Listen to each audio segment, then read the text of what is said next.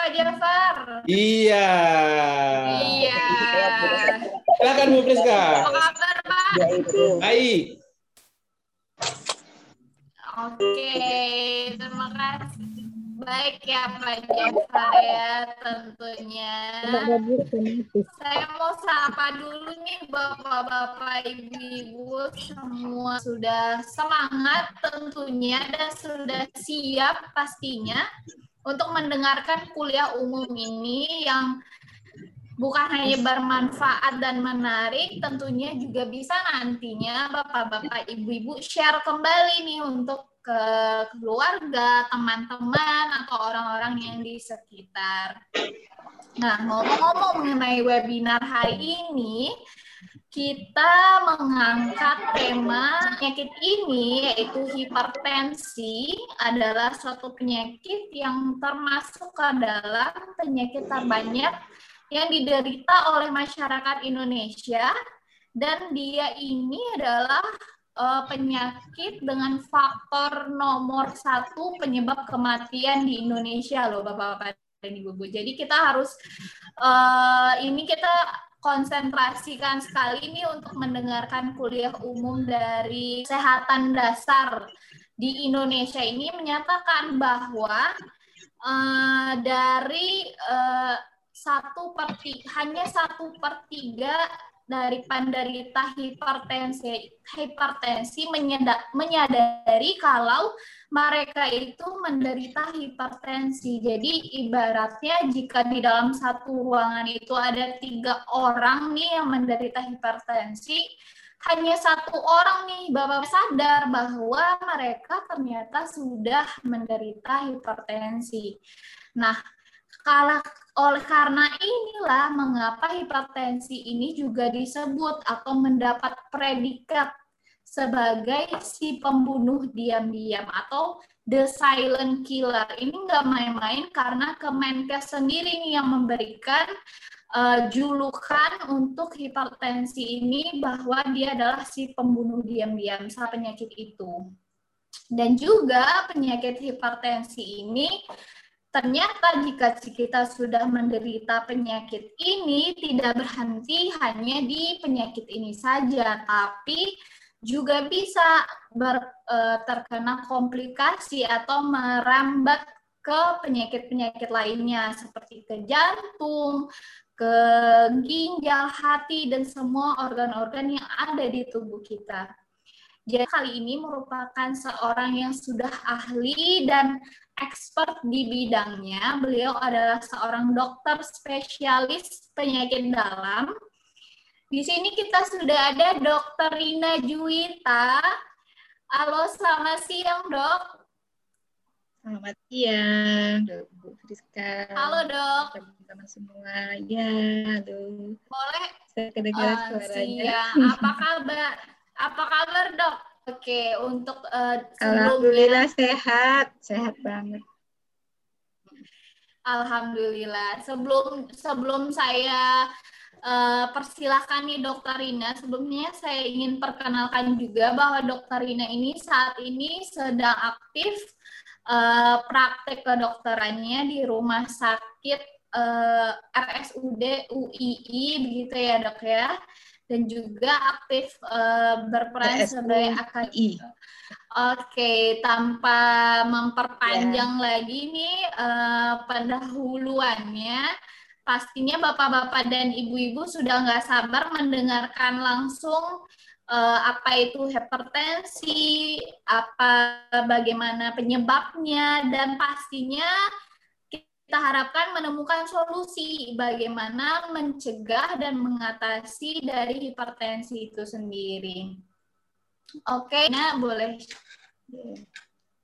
Saya akan sharing dulu ya dok ya untuk uh, yeah. PPT-nya. Oke, sudah kelihatan ya dok ya? Yeah. Sudah sudah kelihatan tinggal okay. di slideshow.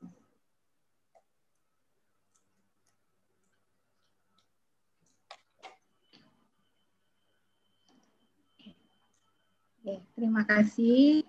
Uh, Rizka. Assalamualaikum warahmatullahi wabarakatuh. Eh, salam sejahtera buat kita semua. Selamat siang menjelang sore. Ini masa-masa yang eh, agak berbahaya ya karena biasanya menjelang sore. Nah, semoga eh, acara kita hari ini bisa memberikan manfaat terutama untuk pengendalian hipertensi pada pada peserta webinar hari ini maupun bisa menyebarkannya kepada tetangga atau eh, teman-teman uh, sekelilingnya. Mohon maaf, Mbak Priska, apa suara saya menggema? Sudah oke, okay, dok. Boleh dilanjutkan, dok. Oke. Oke. Baik, uh, ini hari ini kita akan bicarakan tentang hipertensi uh, pembunuh diam-diam. Kenapa diam-diam? Karena memang tidak pada beberapa kasus itu tidak diketahui. Tahu-tahu stroke, tahu-tahu serangan jantung, uh, ada uh, kejadian gagal ginjal seperti itu. Jadi kalau kita tanya uh, ada hipertensi sebelumnya, biasanya uh, pasien itu tidak pernah mengeluh apa-apa, nggak ada pusing, saya nggak ada rasa apa-apa dong, gitu kan. Nah, memang sehingga memang disebutkan bahwa hipertensi ini sebagai uh, diam-diam. Next, please.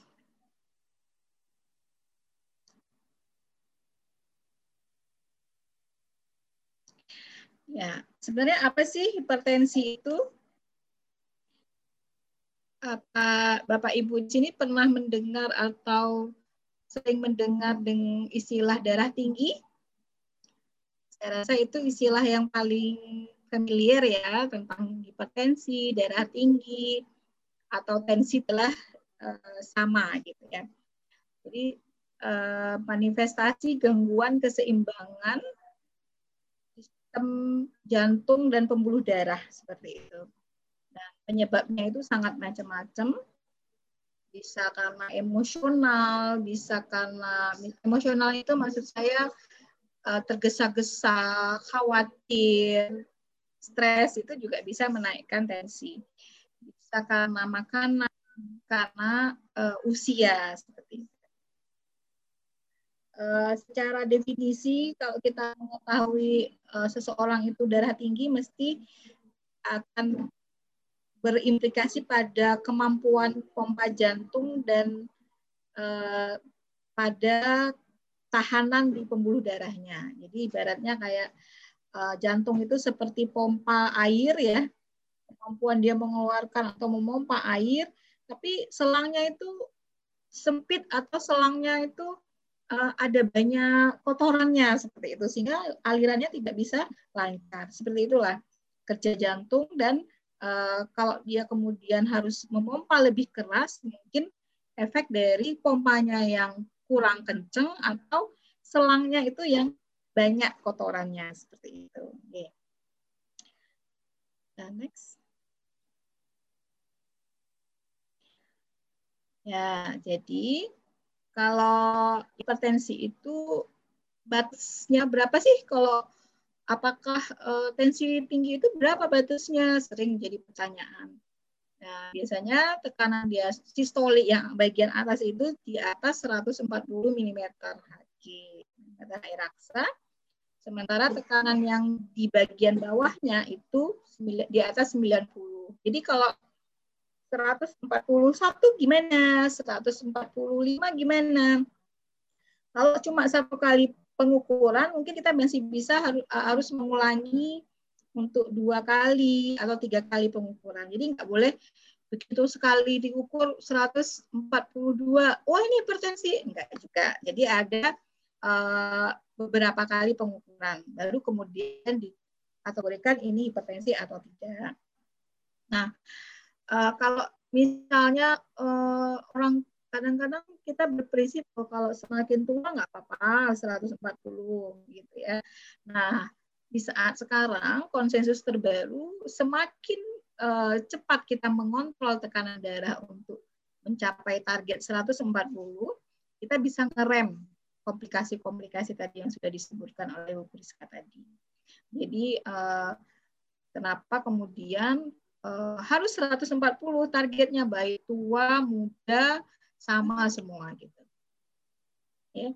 Jadi semua 140 uh, batas at yang atasnya dan yang bagian bawah itu 90 kalau kemudian uh, diukur seminggu kemudian sama masih amat masih tetap di angka 140 lebih gitu kemudian diukur tiga kali pengukuran masih disebut dengan di atas 140 maka dia disebut dengan hipertensi. Nah, ternyata hipertensi itu penyakit sejuta umat gitu ya. Jadi ada enam persen penduduk dunia itu yang uh, kena hipertensi. Jadi uh, dia penyakit yang paling sering kita temukan. Kenapa? Karena mungkin sekarang orang sudah angka uh, harapan hidupnya sudah naik, uh, sudah obesitasnya juga sudah meningkat ya. Ya ibaratnya kalau sekarang berbeda dengan uh, pekerjaan orang dulu. Kalau orang dulu kerjanya sebagai petani, berangkat pagi ke sawah nyangkul gitu ya. Nek sekarang lebih banyak di depan Eh, di belakang meja, terus kemudian di depan laptop dan sebagainya banyak duduk, tapi uh, konsumsi atau asupan makanannya sama sehingga uh, obesitas gitu ya terjadi obesitas. Nah obesitas itu bisa kemudian menimbulkan hipertensi ini tadi. Dan juga mungkin karena kesadaran masyarakat itu untuk memeriksakan diri itu bagus gitu ya. Jadi uh, sehingga uh, kalau ada keluhan sedikit itu dia sudah periksa. Berbeda dengan di zaman dulu mungkin fasilitas kesehatannya itu tidak mudah ditemukan. Nah, kalau di luar negeri, di Eropa, di Amerika, itu hanya 10% saja yang mendapatkan pengobatan eh, pengobatan anti obat anti hipertensi. Sisanya belum mendapatkan pengobatan. Padahal kita tahu bahwa hipertensi ini eh, menyumbang banyak kasus-kasus uh, komplikasi seperti stroke ya.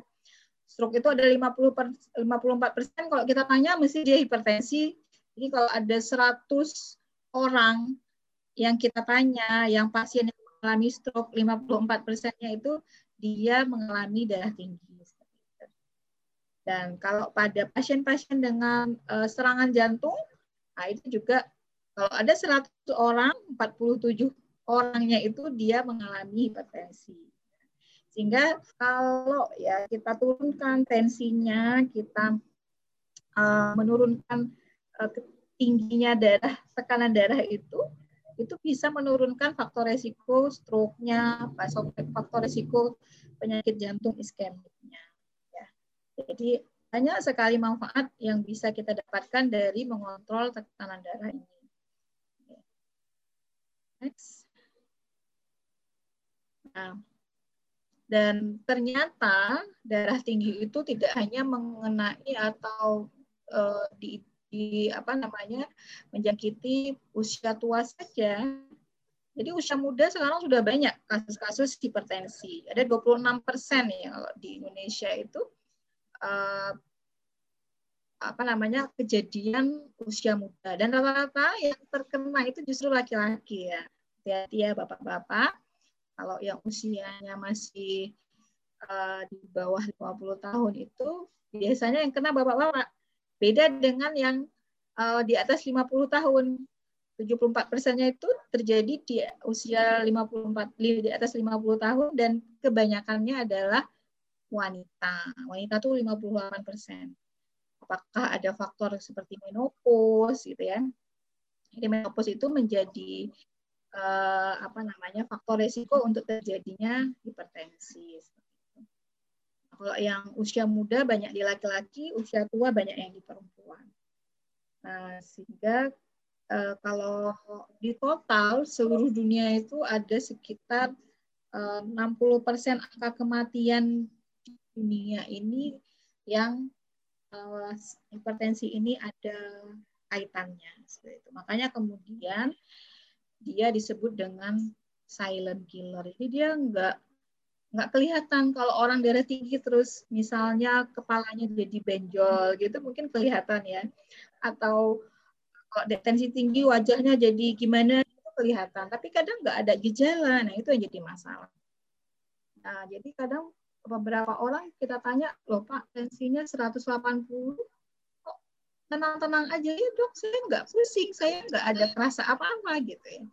Nah, karena itu yang disebut uh, tiba-tiba dia stroke misalnya tiba-tiba dia nyeri dada kemudian tidak tertolong maka itu bisa akibat malah uh, dia apa namanya fatal hmm. saat itu. Kita lanjutkan. Next.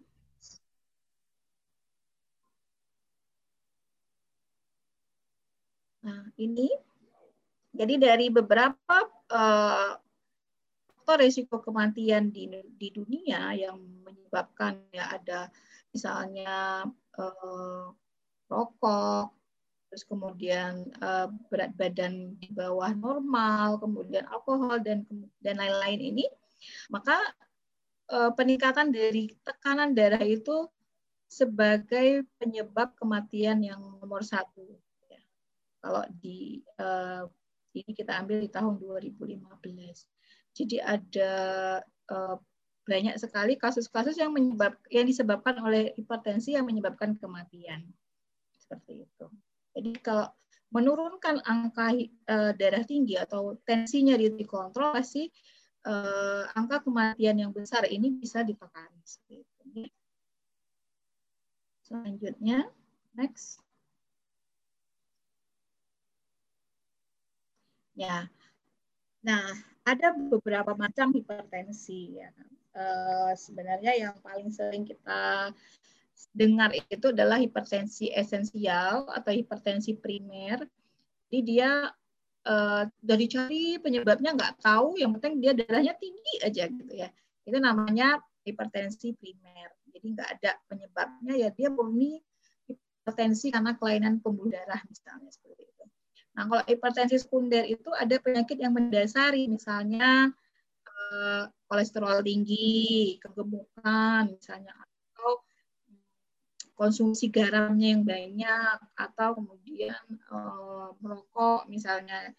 Nah, itu eh, disebut dengan hipertensi sekunder, atau ada penyebab lain yang menyebabkan seseorang itu jadi darah tinggi. Ya. Tapi ada juga hipertensi yang tipe lain, misalnya karena uh, kalau lihat petugas medis itu jadi naik tensinya gitu ya. Sehingga dia mengatakan bahwa saya kalau di rumah sakit mesti tensinya naik kalau di rumah tensi saya baik dok gitu ya. Nah biasanya karena cemas. Jadi melihat bangunan rumah sakit melihat melihat petugas medis ya zaman sekarang mungkin petugas medis sudah nggak semuanya pakai baju putih ya. Dulu mungkin pakainya baju putih jadi kalau disebut dengan white coat hypertension jadi kalau lihat orang yang bertugas sebagai dokter perawat itu langsung dia cemas takut sakit kenapa-kenapa dan kemudian menimbulkan tekanan darahnya yang naik. Nah, sementara kalau mass hypertension atau uh, hipertensi terselubung itu dia nggak tahu tiba-tiba ketika di rumah tensinya naik terutama terjadi kan pada malam hari.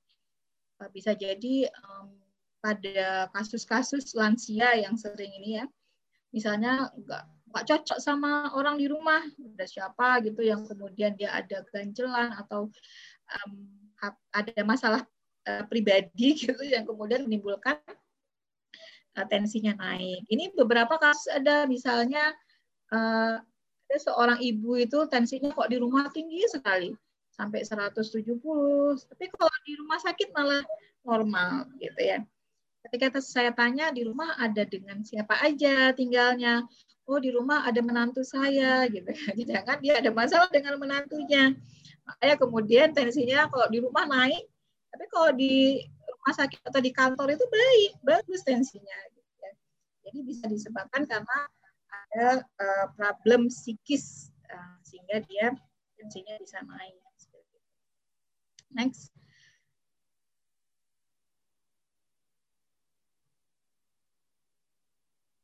Nah, gimana sih kok bisa tensi uh, terjadi hipertensi itu seperti apa?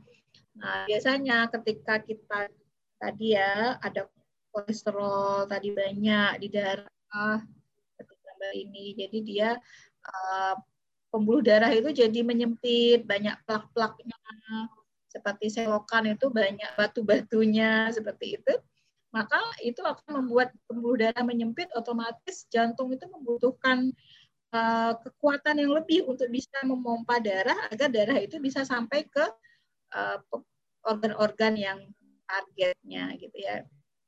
Misalnya dia mau memompa darahnya itu dari jantung ke ke otak atau ke organ-organ yang lain pastilah dia harus bekerja keras untuk memompa agar darah itu bisa melewati jalan yang sempit ini atau bisa juga misalnya bisa pada kondisi uh, pembuluh darahnya itu menyempit ya. Menyempit tiba-tiba karena misalnya cemas tadi. Makanya memang sebaiknya kita kalau cemas langsung relaksasi. Jadi latihan relaksasi seperti itu. Jadi biar uh, tidak menyempit pembuluh darahnya. Jadi kalau kita ada ganjelan gitu ya harus segera uh, mencari solusi agar tidak ada tekanan batin gitu ya kalau kalau misalnya ada masalah-masalah yang dipendam nanti pembuluh darah itu akan uh, menyempit karena efek dari rasa cemas yang membuat hormon kortisol itu naik misalnya ya nanti akan membuat penyempitan dari pembuluh darah dan otomatis itu juga akan membuat darah tingginya kumat seperti itu. Nah, ini ya kenapa kemudian akan terjadi gejala-gejala seperti ini.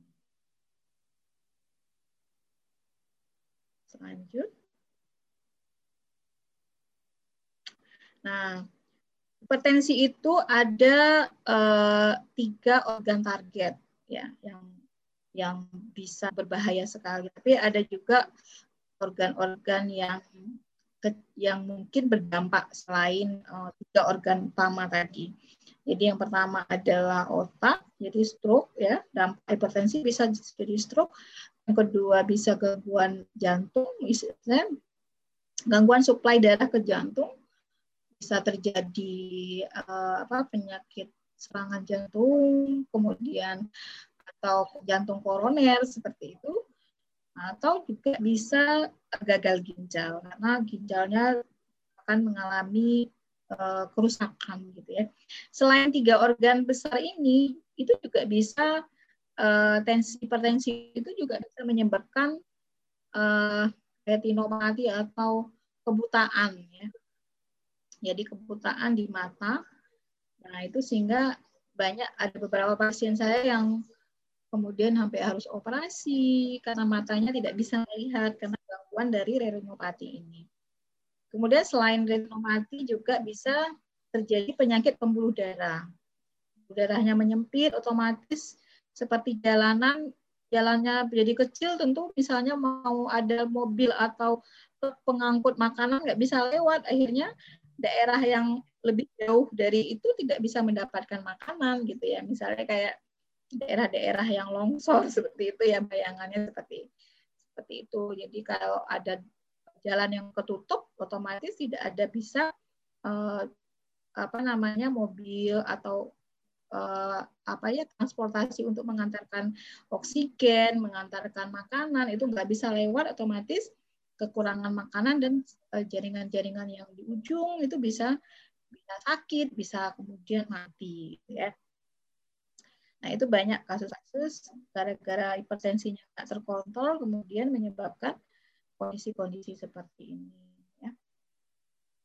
Padahal kalau di, eh, dikontrol itu bisa gitu ya karena sayang banget kalau misalnya sampai harus gagal ginjal atau gagal atau apa stroke atau serangan jantung gara-gara hipertensi. Nah ini adalah uh, apa namanya kapan kita disebut hipertensi, kapan disebut hipertensi derajat 1, 2. Ini berdasarkan uh, nilai atau uh, nilai atau kadar dari tekanan darah kita. Suaranya kurang keras ya. Jadi kalau yang optimal adalah tensi di bawah 120. Jadi kalau udah main 120 ke atas, nah itu harus harus hati-hati gitu ya. Uh, 130 sampai 139 itu masih normal tapi tinggi ya. Sudah harus dicari. Ini kenapa? Apakah karena kegemukan atau karena merokok atau karena penyebab-penyebab yang lain harus dicari. Jangan sampai jatuh pada kondisi hipertensi. Ini ada yang disebut normal normal tinggi disebut juga dulu sebelum ini istilahnya prehipertensi ya. Jadi eh, belum hipertensi tapi sudah sudah bisa kalau misalnya nggak dicari eh, penyebabnya itu bisa jatuh pada hipertensi eh, setahun hmm. kemudian seperti itu. Nah, hipertensi derajat 1 kalau dia di bawah 160, kalau dia derajat 2 di bawah 180 gitu. Kalau uh, derajat 3 itu dia biasanya tinggi banget, bisa 180 sampai 200. Kemarin saya punya pasien itu tensinya 230. Itu jalan itu kata dia kayak ini, kayak uh, di atas jet coaster, jadi melayang-layang gitu. Jadi kayak nggak nginjak bumi. Nah itu bahaya banget kalau misalnya tiba-tiba pembuluh darahnya itu sampai kemudian pecah, makanya harus segera diturunkan. Ya, nggak boleh dibiarkan dengan tensi yang tinggi jadi harus diturunkan di sementara memang kalau menurunkan tensi juga nggak boleh tergesa-gesa kan tidak jadi bertahap ya. Memberi waktu untuk pembuluh darah itu bisa beradaptasi seperti itu. Ya. Jadi memang uh, kalau hipertensi biasanya sistolik terisolasi itu banyak pada orang-orang tua yang tinggi itu hanya bagian sistoliknya aja bagian atasnya. Sementara bagian bawahnya itu normal. Okay. thanks.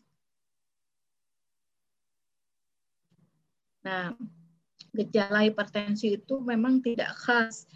Bisa nyeri kepala ya. Kadang orang kalau bilang datang itu kepalanya bagian belakang itu sakit atau bahasa Jawanya kenceng-kenceng atau cengeng gitu ya terus uh, dikuduk di bagian belakang jadi kayak kaku atau tegang seperti itu nah kemudian atau rasa nyeri di dada rasa nggak nyaman gelisah kabur matanya mudah lelah atau jantungnya debar-debar ya karena uh, load atau kerja jantung yang berlebihan pasti akan kemudian menimbulkan rasa tidak nyaman seperti itu. Jadi memang tidak khas. Ada kadang-kadang yang sudah datang itu dengan mimisan gitu ya.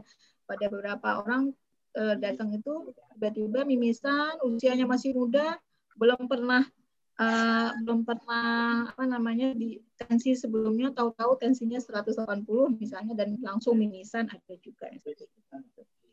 Jadi memang tidak khas. Yang paling sering ini, sering ini sakit kepala, nyeri dada, gelisah, kelihatan kabur, lelah Lanjut. Nah, bisa nggak dicegah hipertensi itu? Nah, jadi hipertensi itu uh, yang paling mempengaruhi kan gaya hidup ya. Kalau memang hipertensi sekunder tadi. Jadi kayak kalau kita makannya terlalu banyak yang asin, maka kita kurangi garamnya. Kemudian kalau aktivitas fisik kita kurang, harus uh, diatur paling tidak Halo. 30 menit aja gitu ya. 30 menit bisa melakukan aktivitas fisik dan uh, per hari apa namanya seminggu itu sekitar lima kali gitu ya. Itu sudah oke okay, gitu. Kemudian uh, menghindarkan rokok ya. Kalau bisa kalau mulai mulai misalnya merokok itu udah mulai bisa di dikurangi sedikit-sedikit, tapi bukan dikurangi dari bungkusnya gitu ya, tapi dikurangi di yang dihisapnya itu yang dikurangi.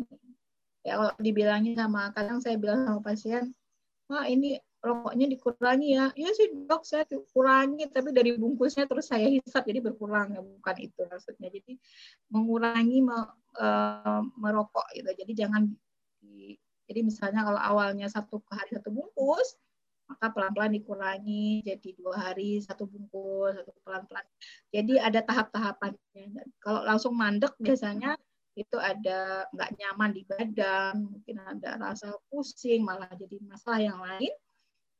Jadi harus bertahap seperti itu. Mungkin akan uh, perlu bantuan dari uh, tim dokter yang yang bisa membantu untuk bisa menurunkan uh, kebiasaan rokok ini. Kemudian kalau pada orang-orang dengan uh, pola makan yang tidak bagus, misalnya terlalu banyak gorengan, ya pas makan orang Indonesia kadang santan-santan goreng-goreng itu nggak bisa dihindarkan gitu ya. Jadi kita ganti dengan yang lebih banyak yang rebus-rebus atau lalap-lalap atau sesuatu yang tidak berminyak misalnya gitu ya. Dan dan memperbanyak sayur dan buah gitu. Uh, itu dulu pernah dalam sebuah pelatihan itu ada survei kecil-kecilan gitu ya. Ketika kita tanya siapa di sini yang uh, atau tanya di sini ya. Siapa di sini yang uh, hari ini makan sayur dan buah? Ya sayur dan buah boleh sayur atau buah aja. Lima macam. Lima macam sayur dan buah. Berapa persen? Boleh raise hand. Sayang jauh ya kalau nggak kita bisa kasih kasih surprise Uh, iya. Apa di sini? Boleh Siapa di sini yang makan rice buah dan atau... sayur lima? Atau lima komen macem. di kolom komen juga bisa ya dok ya? Nah, di chat juga boleh. Siapakah di sini yang makan misalnya ya makan sayur, wortel, brokoli, buahnya ada jeruk atau apa ya? Uh, buah timun atau mangga misalnya seperti itu atau alpukat lima macam. Adakah di sini? Jujur saya sih enggak dok. Dan itu memang menjadi menjadi agak ini ya. Dulu waktu ditanya itu memang di forum itu tidak ada satupun yang menjawab. Karena memang orang Indonesia itu jarang yang banyak makan sayur buah. Padahal menurut orang-orang di luar itu, sebetulnya waktu itu uh, forum internasional, uh, dia bilang bukankah di sini itu subur gitu ya, halamannya masih luas gitu kan. Jadi kenapa kok di sini susah makan sayur gitu kan? Jadi dia tuh bingung. Mungkin emang orang luar itu banyak, emang konsumsinya banyak sayur, buah gitu ya. Mereka senang dengan yang seperti Sementara orang Indonesia itu sukanya makan nasi. Jadi kalau belum makan nasi, makan. apa-apa. Itu memang PR kita untuk memperbaiki agar uh, konsumsi kita lebih banyak sayur dan buah.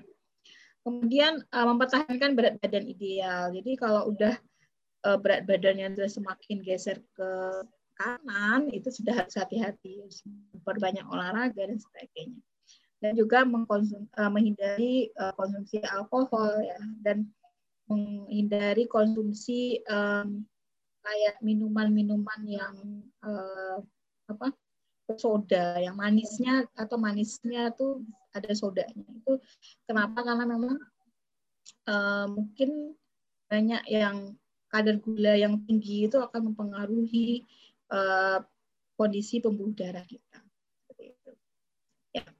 Selanjutnya. Nah, ternyata untuk sehat atau mengontrol tensi itu nggak harus mahal, bisa dari sesuatu yang dari alam, dari halaman rumah, ya kan, dari kebun seperti itu bisa kemudian digunakan untuk mengontrol tekanan darah kita. Misalnya ya, ini banyak penelitian-penelitian dari uh, daun seledri, bagaimana daun seledri itu ternyata bisa menurunkan uh, darah tinggi seperti itu. Rebusan daun seledri. Kemudian ada daun pandan. Dia bisa menurunkan uh, darah tinggi, namun secara uh, statistik tidak bermakna secara signifikan. Tapi kalau dilihat dari hasil penelitiannya itu, tensinya memang bisa turun gitu ya mungkin eh, apa namanya tapi secara statistiknya yang tidak bermakna. Next.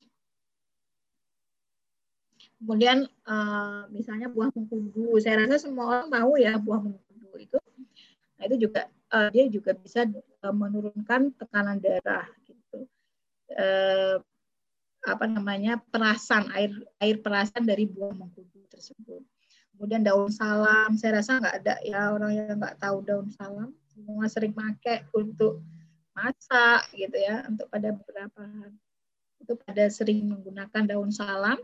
Nah, ini juga bisa menurunkan tekanan darah dan banyak banget.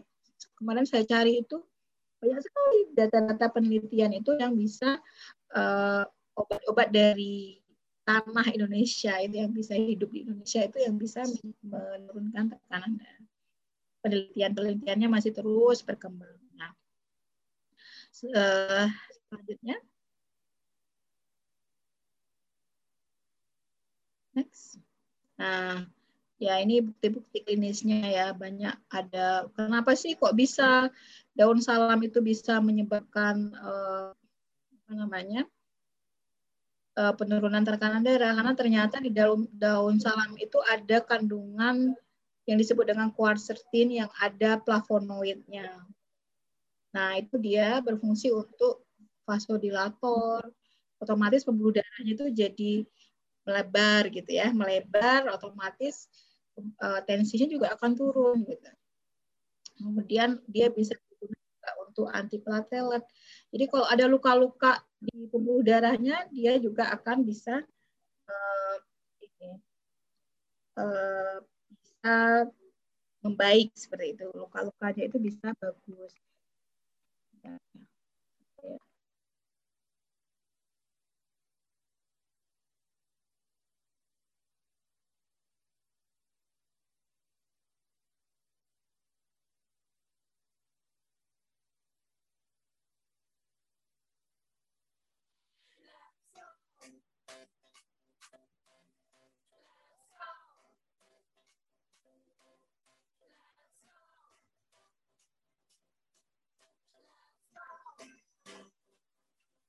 Uh,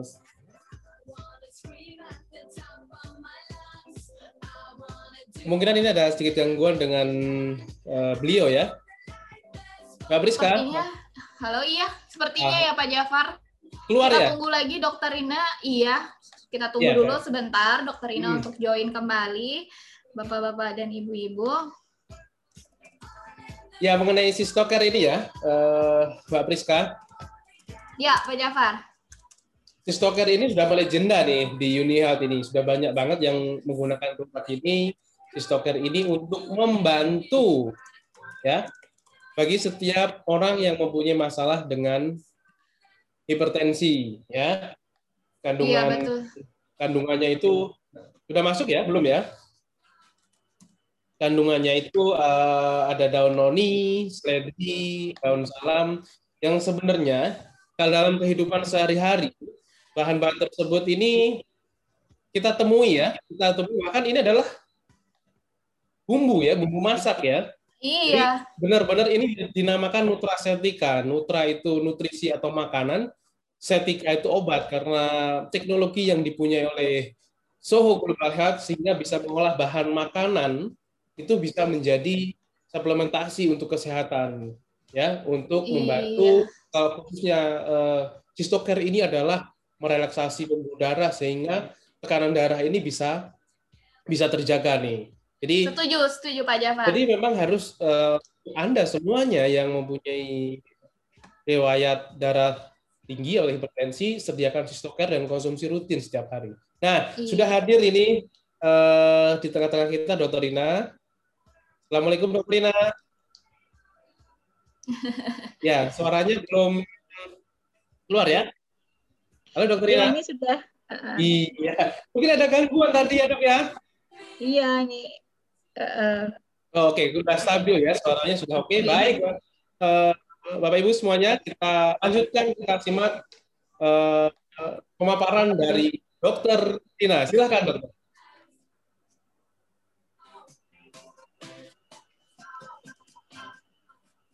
Nah, ini tadi ya, yang sudah kita bawa quercetin juga mengandung flavonoid yang kita tahu dia bisa berfungsi sebagai vasodilator, jadi darah itu melebar. Gitu.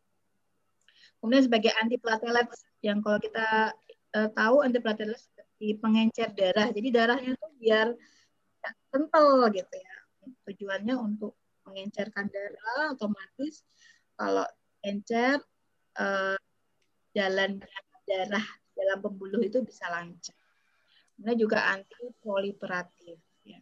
Jadi menurunkan tekanan darah dan apa namanya uh, hasil dari oksidasi. Jadi bisa uh, memperbaiki pembuluh darah yang rusak akibat hipertensi. Terus ledri juga bisa banyak punya banyak fungsi yang bagus uh, yang bisa menurunkan tekanan mengkudu.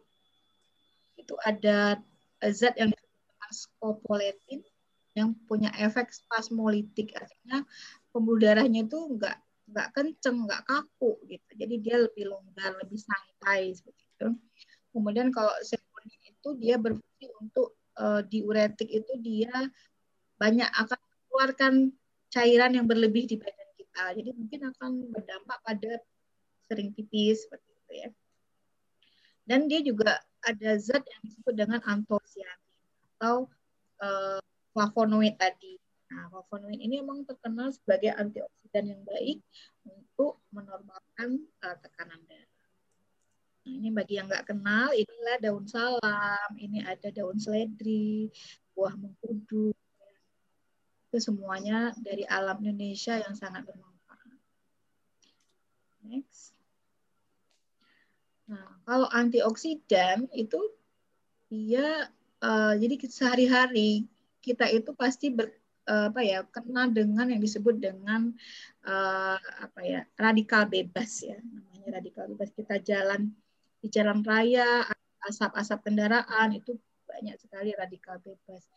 Kita makan dalam makanan itu ada zat-zat tambahan itu bisa kemudian apalagi yang digoreng misalnya itu juga bisa ada radikal bebas. Kemudian kita melakukan aktivitas mesti banyak ketemu atau berpapasan dengan yang disebut dengan radikal bebas ini sehingga uh, dengan antioksidan ini dia akan uh, ganti sel-sel yang rusak gara-gara uh, apa namanya ada radikal bebas itu. Nah sehingga dia bisa uh, memperbaharui sel-sel. nah, antioksidan ini bisa merelaksasi pembuluh darah dan mencegah terjadinya apa yang disebut dengan aterosklerosis. Ini adalah biang keroknya terjadi uh, stroke, terjadi uh, serangan jantung koroner. Ini adalah disebabkan karena aterosklerosis. Jadi penumpukan uh, apa namanya ya plak-plak di dalam darah.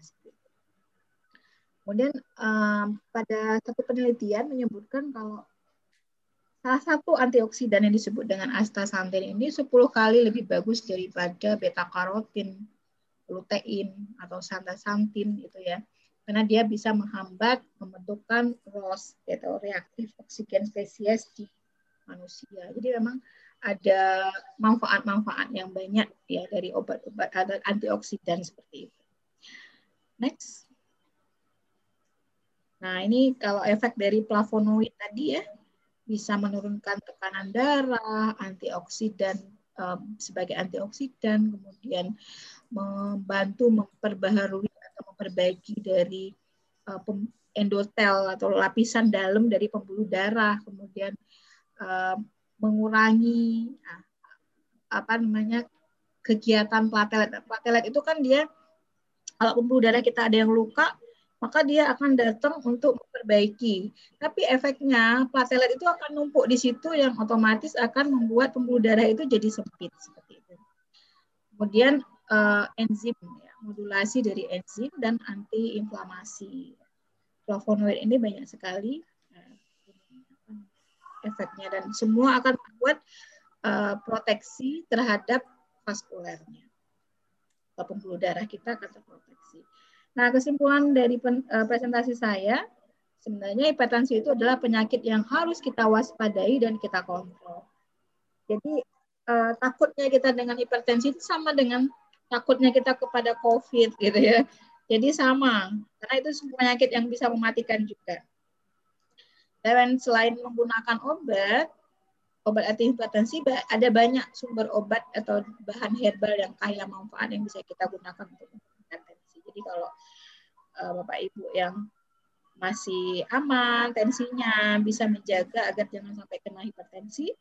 Kalau yang memang ada sakit darah tinggi bisa menjaga agar tidak terjadi komplikasi. Seperti itu ya.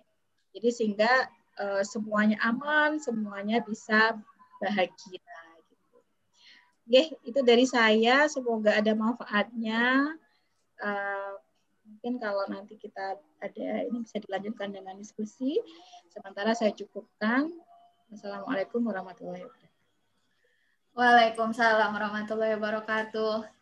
Iya, terima kasih Dokter Rina atas pemaparan dan penyampaiannya, sharing-sharing ilmu dengan kita. Boleh Bapak, Ibu-ibu boleh tepuk tangannya untuk Dokter Rina semuanya. Oke, nah menyambung dari kesimpulan dari Dokter Rina tadi ya dok ya mengenai uh, banyak sekali nih sumber alam yang ada di Indonesia yang bisa kita manfaatkan uh, untuk mengatasi penyakit uh, hipertensi ini seperti itu ya dok. Tadi saya lihat ada beberapa yang dibahas oleh Dokter Rina itu ada seledri, ada mengkudu, ada daun salam, begitu ya dok ya? Nah, kebetulan untuk uh, dari produk Uni Health sendiri, Bapak-bapak dan Ibu-ibu, uh, ada nih produk yang mengandung uh, kandungan alam yang bisa menurunkan hipertensi itu, sesuai yang sudah dibahas oleh Dokter Ina tadi. Bukan hanya satu kandungan saja, tapi produk ini ada tiga-tiganya, ada kombinasi dari tiga-tiga ketiga dari bahan alam ini yang terkandung dalam produk Uni Health. Nah, untuk Dokter Rina ini uh, sendiri, saya mohon izin dulu sebelum kita masuk ke sesi tanya jawab ya dok ya. Saya ingin share sedikit mengenai produk yang saya bicarakan tadi nih bapak-bapak dan ibu-ibu. Uh, saya akan eh, share screen.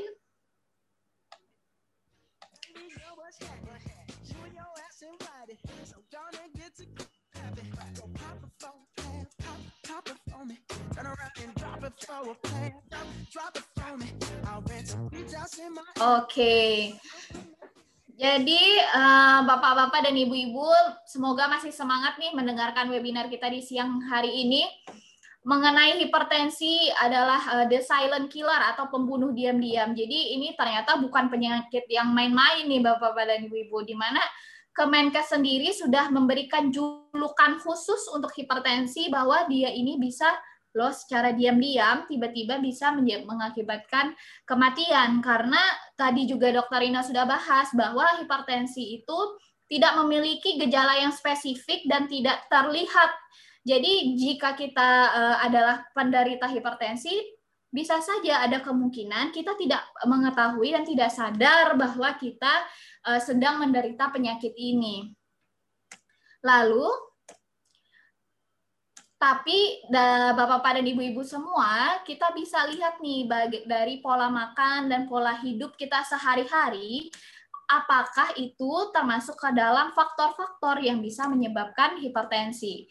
Uh, saya mau tanya dulu nih sama bapak-bapak dan ibu-ibu dari uh, beberapa gambar yang saya tampilkan ini mana yang merupakan pola hidup atau pola makan dari Bapak dan Ibu-ibu. Yang pertama nih, pola makan yang tidak sehat. Kita hidup di Indonesia ini tentu saja uh, pasti banyak yang suka dengan makan goreng-gorengan atau suka makanan yang bersantan. Itu satu adalah salah satu faktor resiko yang bisa mengarahkan kita untuk uh, terkena penyakit hipertensi. Lalu yang kedua, konsumsi garam yang berlebih. Di mana kita juga di Indonesia ini kalau tidak pakai garam itu makanannya rasanya kurang sedap. Lalu yang ketiga adalah konsumsi uh, rendah kalium atau rendah buah dan sayur secara umum. Uh, ada banyak yang tidak suka makan sayur, apalagi buah. Nah ini juga adalah faktor ketiga ini yang menyebabkan uh, tingginya resiko terkena hipertensi.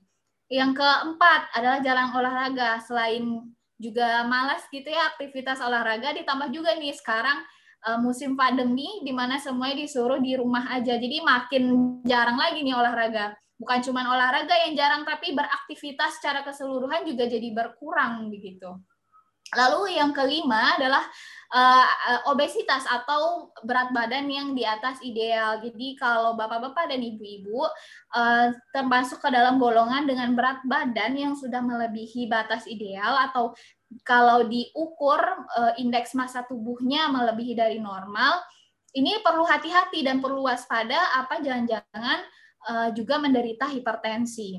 Lalu yang keenam adalah perokok, apalagi uh, dan perokok ini uh, yang dimaksud perokok itu bukan hanya perokok yang aktif, tetapi juga perokok yang pasif. Lalu yang keenam, eh, yang ketujuh adalah stres, di mana uh, pada kondisi sekarang ini juga pasti uh, stres itu adalah suatu hal yang pasti kita uh, hadapi sehari-hari. Nah, dari faktor-faktor ini perlu Bapak-bapak dan Ibu curiga ini apa kalau saya uh, termasuk ada empat atau lima poin ini ini saya banget nih. Nah, mulai nih curiga untuk jangan-jangan uh, menderita hipertensi atau tekanan darah yang tinggi. Nah, untuk hipertensi sendiri tadi dokter Rina sudah jelaskan bahwa hipertensi itu adalah orang-orang yang uh, uh, tekanan darahnya 140 per 90 Lalu kalau Bapak-Bapak dan Ibu-Ibu tanya, Mbak Priska, kalau saya ya masih masuk ke dalam 130-an per 80-an, berarti saya aman dong, saya bebas dong dari hipertensi. Tentu saja kalau saya jawab itu tidak. Kenapa? Karena e, menurut saya bahwa kalau Bapak-Bapak dan Ibu-Ibu sudah masuk ke dalam rentang e, ketekanan darahnya di antara 120 per 180, itu termasuk ke dalam golongan normal tinggi atau prehipertensi di mana ini adalah sebagai alarm atau sebagai peringatan untuk bapak-bapak dan ibu-ibu untuk mulai mulai mencegah, mulai memberhentikan faktor-faktor yang menyebabkan hipertensi dan melakukan pencegahan. Bisa dilakukan dengan mulai meminum suplemen-suplemen yang dapat menurunkan tekanan darah. Nah, apa tekan, suplemen yang dapat menurunkan tekanan darah? Dari produk Uni Health sendiri, uh, tentu saja ini tadi kata Pak Jafar ini adalah produk legenda, yaitu Sistoker. Sistoker ini kandungannya ada tiga loh Bapak-Bapak dan Ibu-Ibu, di mana ada terdapat kandungan seledri, yang pertama, lalu yang kedua ada uh, daun salam, yang ketiga adalah buah mengkudu. Jadi ketiga-tiganya ini bekerja secara sinergis untuk menurunkan dan memperbaiki kondisi hipertensi dari bapak-bapak dan ibu-ibu. Kalau kita lihat nih eh, manfaat dari seledri itu sendiri, dia bisa membantu untuk meningkatkan eh, mencegah penyempitan dan merelaksasi pembuluh darah. Lalu yang kedua adalah membantu dari ginjal kita untuk mengeluarkan cairan dari dalam tubuh. Jadi jika cairan di dalam tubuh kita ini tinggi, otomatis juga akan memperberat dari kerja jantung, di mana juga bisa menyebabkan hipertensi. Lalu yang kedua untuk daun salam sendiri, dia adalah merelaksasi pembuluh darah. Jadi kalau seorang yang dengan hipertensi ini ada kemungkinan pembuluh darahnya menyempit dan juga mengalami kekakuan. Nah, ini adalah yang menyebabkan bagaimana jantung itu harus memompa darah untuk mencapai ke seluruh tubuh itu lebih berat Nah, untuk daun salam ini membantu agar uh, pap, uh, pembuluh darah atau saluran pembuluh darah ini bisa terrelaksasi sehingga lebih mudah untuk menyampaikan uh, darah ke seluruh tubuh. Lalu kandungan ketiga adalah buah mengkudu atau disebut juga dengan Moni X. Nah, mengatasi hipertensi, selain hipertensi, ternyata dia juga bisa uh, mengatasi uh, keluhan-keluhan lainnya seperti nyeri saat menstruasi, luka bakar, dan lain-lain sebagainya. Nah, apa saja kelebihan dari Sistoker? Yang pertama itu adalah dia tentu saja seperti produk Uni Health yang lainnya tentu berbahan dasar alami di mana di sini juga memberi jaminan nih Bapak dan Ibu bahwa dia bisa aman untuk digunakan secara jangka panjang. Lalu yang kedua adalah menggunakan ekstrak herbal terstandar. Jadi kita tidak main-main untuk memilih bahan baku dari produk kita ini, di mana kita hanya memilih yang sudah terstandar, yang sudah terkualifikasi, terjamin kualitas, keamanan, dan efikasinya atau efektivitasnya. Lalu yang ketiga adalah kita sebagai sebuah perusahaan farmasi, tentunya setiap produk yang kita hasilkan ini harus diproduksi sesuai dengan standar farmasi yaitu salah satunya CPOTB atau cara pembuatan obat tradisional uh, yang baik. Lalu yang keempat adalah memiliki sertifikat halal MUI. Jadi ibu, bapak-bapak dan ibu-ibu yang masih bingung atau yang masih ragu apakah produk ini sudah halal atau tidak, uh, di sini saya uh, sampaikan bahwa kita sudah memiliki sertifikat halal MUI. Nah, apa bagaimana perbandingan dari si stoker dibanding dengan produk lain? Apa sih Mbak Priska kalau saya kan ada banyak tuh produk-produk anti hipertensi di luar sana. Kenapa saya harus memilih si stoker dibanding produk-produk lainnya? Yang pertama nih saya sebutkan nih Bapak Ibu Bu, dari kandungannya saja kita sudah mengandung tiga, bukan hanya satu kandungan bahan aktif, tetapi tiga, yaitu kombinasi dari seledri, daun salam, dan mengkudu. Jadi tadi dokter Rita juga, dokter Rina juga sudah uh, jelaskan bahwa apa saja tuh kandungan uh, manfaat dari seledri, manfaat dari daun salam dan manfaat dari mengkudu di mana kesimpulannya adalah ketiga uh, dari kandungan ini dapat berperan bersinergis untuk menurunkan dan memperbaiki tekanan darah. Sedangkan produk lain rata-rata itu hanya mengandung satu kandungan aktif saja, misalkan satu kandungan uh, mengkudu. Lalu yang kedua adalah bagaimana proses produksinya yang yang kita pastikan adalah untuk si stoker ini diproduksi dengan standar yang berstandar farmasi sedangkan untuk produk lain ada beberapa yang belum tentu juga itu dia berstandar farmasi. Lalu dari bahan baku yang kita gunakan sudah terstandar di mana otomatis nih konsentrasi dari bahannya, dosis dan stabilitas dari produk ini sudah pasti terjamin. Kalau untuk produk lain kita tidak tahu dan uh, belum ada nih jaminannya. Lalu yang keempat adalah tujuan penggunaan. Dari untuk si stalker ini uh, bisa digunakan dengan dua kategori penggunaan nih Bapak-bapak dan Ibu-ibu. Yang pertama bisa juga untuk digunakan untuk orang-orang yang ingin melakukan pencegahan. Lalu yang kedua juga bisa sebagai terapi pendamping jika sudah terkena hipertensi. Lalu untuk uh, dari segi halalnya kita sudah bersertifikat halal sehingga ada jaminan kehalalannya untuk produk lain uh, masih ada beberapa yang belum ada sertifikat halal. Lalu yang kedua adalah uh, astaxanthin. Selain tadi dokter Rinbatan lebih baik dari antioksidan antioksidan lainnya seperti vitamin C, seperti um, vitamin E atau produk antioksidan lain yang uh, masih kurang nih kekuatannya daripada astaxanthin. Astagol mengandung astaxanthin dan juga apple phenon. Jadi ada dua nih antioksidan yang terdapat di dalamnya. Jadi komplit sekali. Jadi dia bisa berperan meningkatkan kualitas kesehatan, mengurangi kelelahan otot dan fisik, serta mengembalikan daya tahan tubuh Anda untuk atlet-atlet atau untuk Anda yang aktif berolahraga dan rentan mengalami stres. Untuk manfaatnya sendiri, yang pertama, Astagol ini bisa melindungi saraf dan pembuluh darah. Jadi pembuluh darah ini bisa berkaitan dengan hipertensi itu tadi. Lalu yang kedua bisa menunjang saluran pernafasan, yang ketiga bisa menyehatkan jantung dan pembuluh darah. Lalu yang keempat adalah menyehatkan hati dan sindrom metabolik. Lalu yang terakhir adalah melindungi ginjal dan uh, bisa sebagai terapi pendukung untuk anti diabetes. Nah, bagaimana kalau kedua Eh, produk ini kita gabungkan, kita kombinasikan sebagai produk anti hipertensi.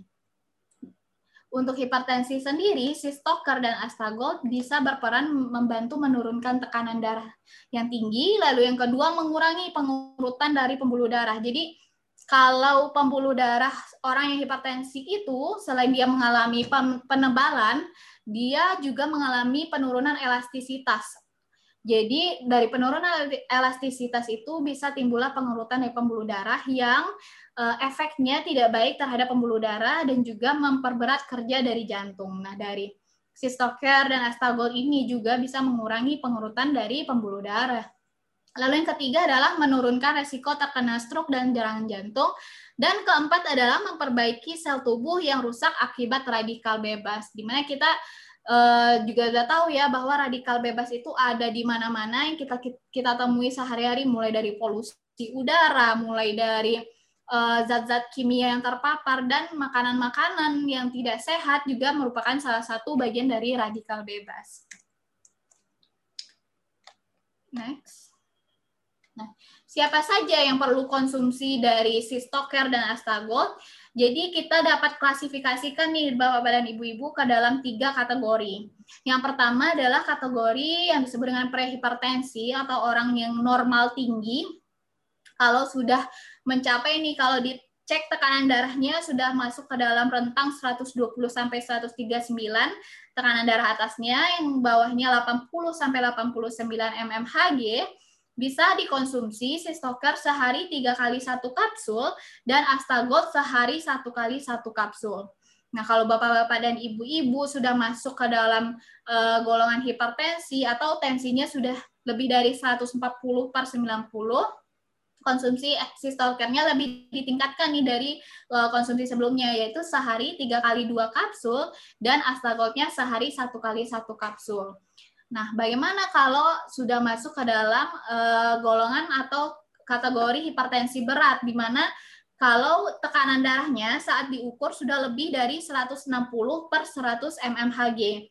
Nah, dari kita sendiri, kita anjurkan untuk segera nih konsultasikan ke dokter dan rapatkan perawatan medis, di mana ini tuh sudah masuk ke dalam uh, kondisi yang ekstrim atau juga sudah berat, jadi harus ada penanganan dari dokter langsung. Nah, seperti itu tuh kira-kira Bapak-Bapak Ibu-Ibu sekedar share mengenai uh, produk Sistoker dan Astagol yang mana sangat cocok nih untuk uh, tema kita hari ini yaitu hipertensi. Saya akan kembalikan ke Pak Jafar dulu.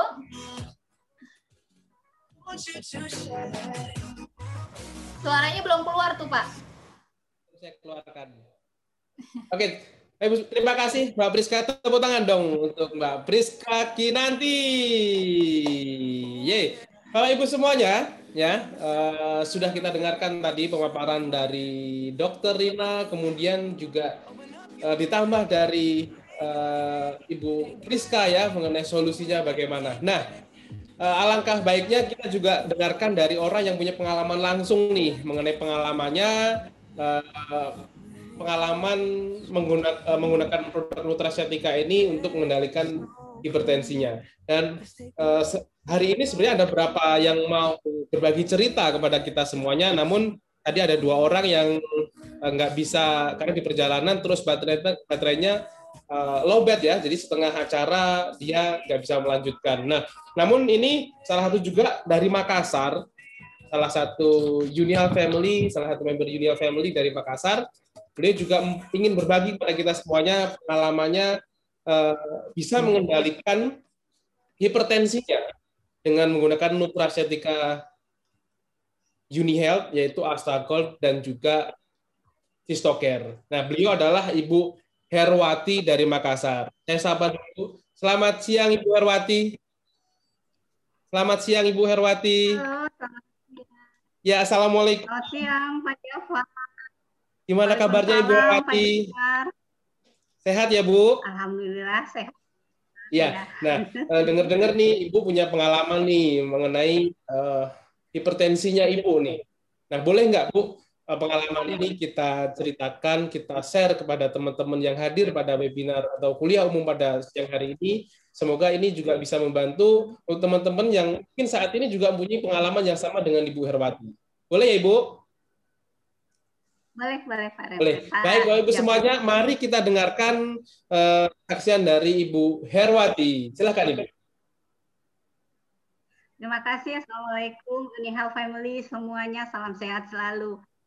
Uh, saya itu sudah men apa, uh, hipertensi itu mulai dari tahun 2013. Itu uh, mungkin juga pola makan saya tidak bagus, kemudian uh, umur juga mungkin kemudian uh, mungkin ada faktor dari uh, orang tua juga karena dulu mereka hipertensi juga. Kemudian saya ini mengkonsumsi uh, si stoker itu mulai di bulan Desember karena saya begitu join di uh, Unihel kemudian dia lihat oh ternyata Unimah juga mempunyai uh, produk untuk uh, hipertensi, uh, yaitu Sistoker. Ya, saya cobalah itu Sistoker, tapi tetap uh, pendamping karena uh, tensi saya pernah sampai 140 juga pernah. Uh, mengkonsumsi sistoker itu tetap saya mendampingi dengan uh, obat dokter saya masih mengkonsumsi kandersartan 16 mili. Tapi dengan sistoker ini uh, tensi saya itu terjaga stabil. Artinya tidak kadang-kadang tiba-tiba 150 kemudian 130 melonjak dan kayak gitu ininya. Uh, Alhamdulillah dengan sistoker ini, kemudian saya kombinasi juga dengan astagol dan magosai gitu. Jadi pagi itu biasa kalau saya bangun pagi kepala berat sekali. Uh, semenjak itu saya bangun pagi uh, apa namanya uh, tidak merasa berat lah ininya tensi pagi juga masih sih 130 karena saya di normal di 130 Pak 130 per 90 ininya tensinya sampai sekarang saya masih konsumsi eh, sistoker, astagol dan magosai ininya Oke, baik. Jadi Bapak Ibu semuanya, uh, sebentar ya Bu Irmati ya. Jadi uh, dari Desember ya Bu ya tadi ya, Ya, dari Desember. Karena saya dari Desember artinya sampai saat ini sudah baru empat bulan ya mengkonsumsi Nutracetika Unihealth ini, Stoker dan juga Astagold ini ya Bu ya? Ya. Jadi apa Bu nih uh, yang Ibu rasakan sebelum Desember tentunya sebelum menggunakan Nutracetika ini dan setelah menggunakan selama empat bulan ini apa yang Ibu rasakan bedanya Ibu Herwati? Boleh di info informasikan Ibu. Kepala itu jadi ringan Pak terasa hmm. ringan. Karena ketika bangun tidur ringan ya Bu ya? Ya, jadi awalnya kalau saya bangun tidur itu perasaan kepala itu berat sekali gitu ininya. Uh, itu uh, saya kadang-kadang uh, mengkonsumsi sudah minum uh, kandersatan, saya minum lagi obat sakit kepala sudah untuk meringankan sakit kepala saya gitu. Tapi uh, di bulan Desember itu di, uh, saya minumnya pagi sama malam. Tetap malam juga setelah satu jam minum stoker saya minum sartan saya. Uh, Alhamdulillah agak ringan Pak, ringan. Malah sampai sekarang saya merasa ini uh, dibantu dengan Astagol dan Mago saya juga badan saya uh, lebih rileks, lebih ringan gitu. Jadi lupa ya kalau bangun tidur kalau pernah punya riwayat hipertensi ya, oh nggak ada nih hipertensinya hilang ke mana gitu ya. Iya Ibu, Semoga sehat selalu Bu Rawati. Nah, Bu itu semua nggak bisa dipikir, nggak bisa heng semua sudah nggak bisa hmm, mikir. Hmm, hmm. Langsung sakit gitu ya sebelumnya ya? Sakit dan sampai pernah kepala saya, saya harus ikat gitu sakit sakitnya saya punya kepala gitu. Karena pernah 180 setelah diukur 180 saya sudah terdiam aja gitu. ya. Nah, Bapak Ibu semuanya ini eh, bisa dicontoh nih salah satu pengalaman dari Bu Herwati ini. Nah, Bu, uh, kalau boleh tahu konsumsinya tadi gimana Bu nih dengan eh, kan Ibu juga memang dari 2013 sudah punya hipertensi ini kemudian dari saat itu Ibu sudah konsumsi obat yang disarankan oleh dokter. Nah, kemudian gimana cara cara Ibu konsumsi keduanya ini? Uh, kalau uh, sistokernya saya minum pagi sama malam. Kemudian satu, satu kapsul atau dua kapsul, Bu? Satu kapsul, Pak. Satu, kapsul. satu pagi, satu malam. Uh, setelah satu jam setelah itu baru saya tetap minum uh, ininya uh, karena saya uh, apa saya minumnya sekarang bukan setiap hari kandasatan tapi kadang-kadang selang-seling pak. Jadi waktu satu bulan pertama saya masih minum rutin kandasatannya kemudian bulan kedua saya minum selang-seling hari ini minum besok enggak. Tapi kanda, uh, sistokernya saya minum rutin pagi, ya bu? sore pagi malam. Iya.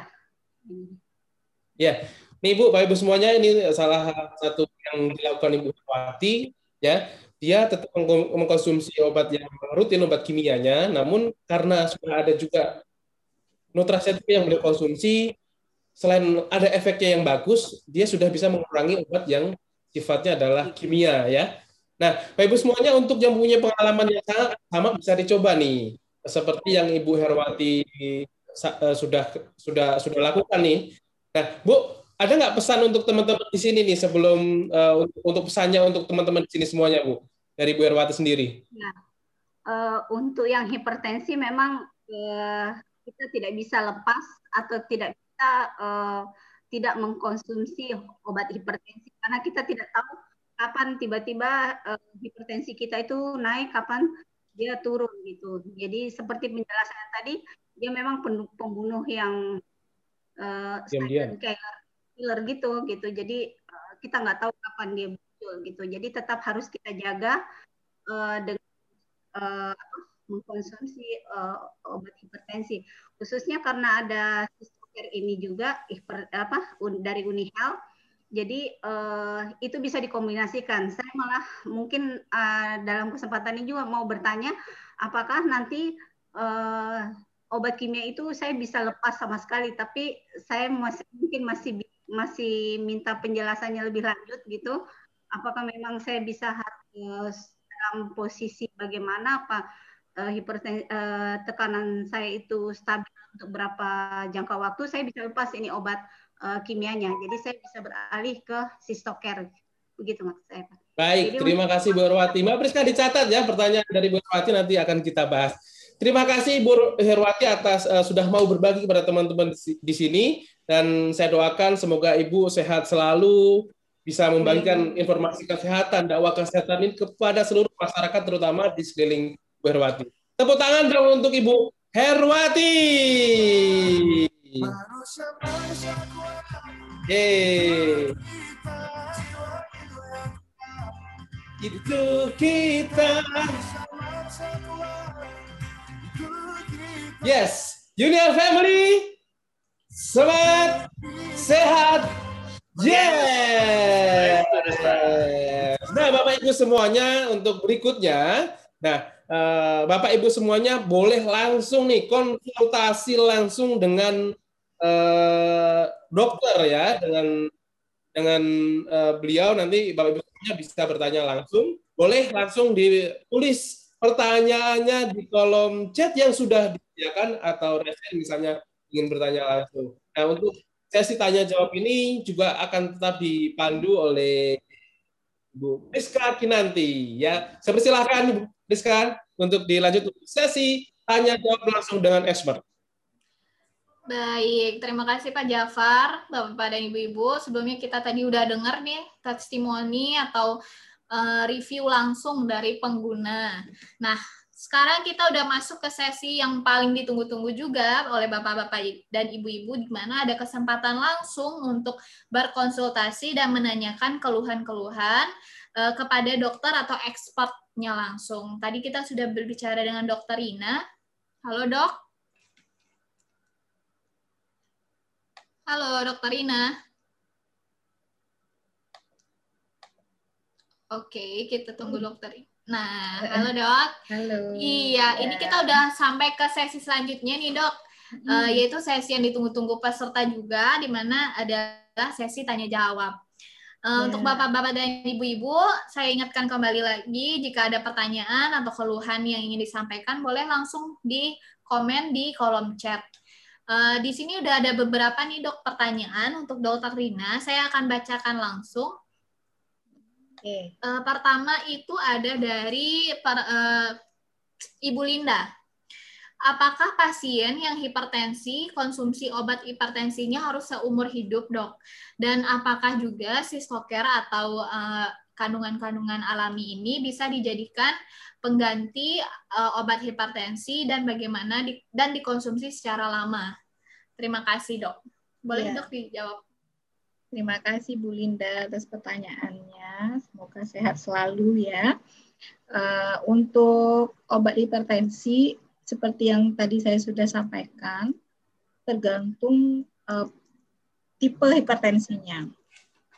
Ada yang hipertensi yang primer dan ada yang sekunder. Jadi kalau yang primer misalnya eh, kalau yang sekunder misalnya ada penyebab bawaannya apa gitu ya, misalnya ada kolesterolnya tinggi atau hmm, ada pengaruh eh, kegemukan seperti itu, maka kita eh, atasi dulu penyebabnya. Kalau misalnya sekiranya penyebab diatasi terus tensinya jadi membaik, nah itu tidak perlu sampai terus minum obat seterusnya gitu ya. Hanya saja perlu monitoring. Monitoring ketat terus kemudian uh, dilakukan apa ya namanya kayak uh, misalnya sebulan sekali tetap dilakukan uh, monitor ke dokter, kontrol seperti itu ya. Nah, kalau misalnya ternyata penyebabnya belum uh, tidak ada atau tidak diketahui misalnya seperti hipertensi yang primer, maka perlu dilakukan kontrol tensi secara terus-menerus. Jadi makanya kalau sebaiknya sebelum apalagi di usia-usia muda ya biasanya hipertensi itu hipertensi sekunder. Hipertensi yang uh, ada uh, penyebab yang lain seperti itu. Makanya penyebab-penyebab itu harus diatasi. Jadi nggak cuma pemberian anti hipertensi aja tapi juga mengatasi penyebabnya. Kalau merokok ya pelan-pelan menurunkan uh, rokoknya kemudian berat badannya. Kalau berlebih pelan-pelan menurunkan berat badannya kolesterol tinggi pelan-pelan menurunkan kolesterol. Jadi ketika semuanya sudah bagus, misalnya tensinya tetap tinggi, maka tetap harus dilakukan pemberian uh, obat hipertensi.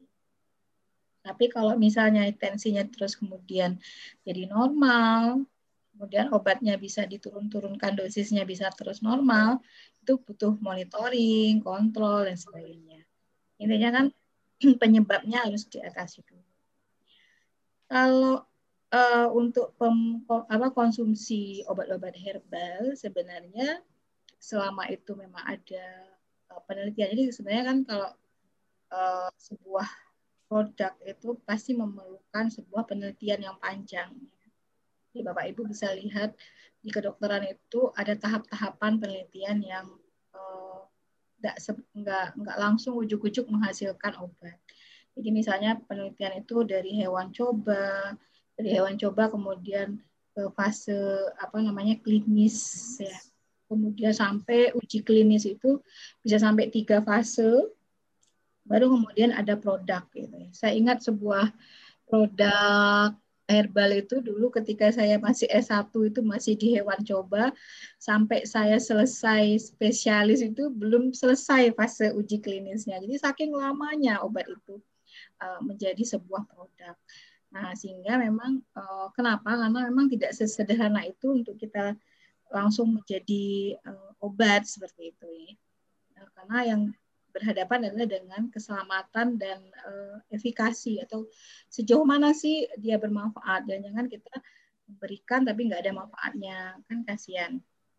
Nah sehingga kalau itu obat herbal sebaiknya memang tidak dibarengkan dengan maksudnya uh, konsumsinya tidak bersamaan dengan obat uh, kimia. Jadi ada jeda.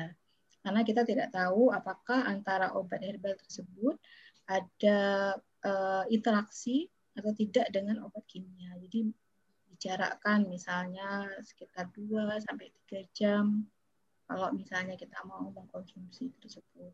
Dan pastikan produk yang kita konsumsi itu adalah produk yang benar-benar aman. Ya, karena banyak Eh, produk-produk itu ternyata uh, yang yang terutama misalnya yang tidak jelas komposisinya jadi uh, apa ya namanya uh, bentuknya masih puyer bebas lepas seperti itu nggak tahu isinya apa aja. Nah itu harus hati-hati. Kadang banyak masyarakat yang masih mengkonsumsi jamu-jamu uh, bebas seperti itu ternyata di dalamnya dicampur antara obat kimia dengan uh, obat herbal. Jadi malah justru merusak dua-duanya gitu ya, merusak uh, kredibilitas obat herbal dan kredibilitas obat kimia seperti itu. Uh, kayak kemarin saya pernah ketemu ada pasien uh, diabetes, sakit gula gitu ya. Dia merasa, oh dok saya minum obat itu langsung gula saya turun. Oh iya, tapi kok ini ginjalnya jadi bermasalah ya. Jadi ternyata ada efek samping yang tidak tersampaikan. Nah, itu yang jangan sampai terjadi. Jadi kalau misalnya eh, pastikan itu aman, jangan sampai terjadi eh, efek samping yang membahayakan.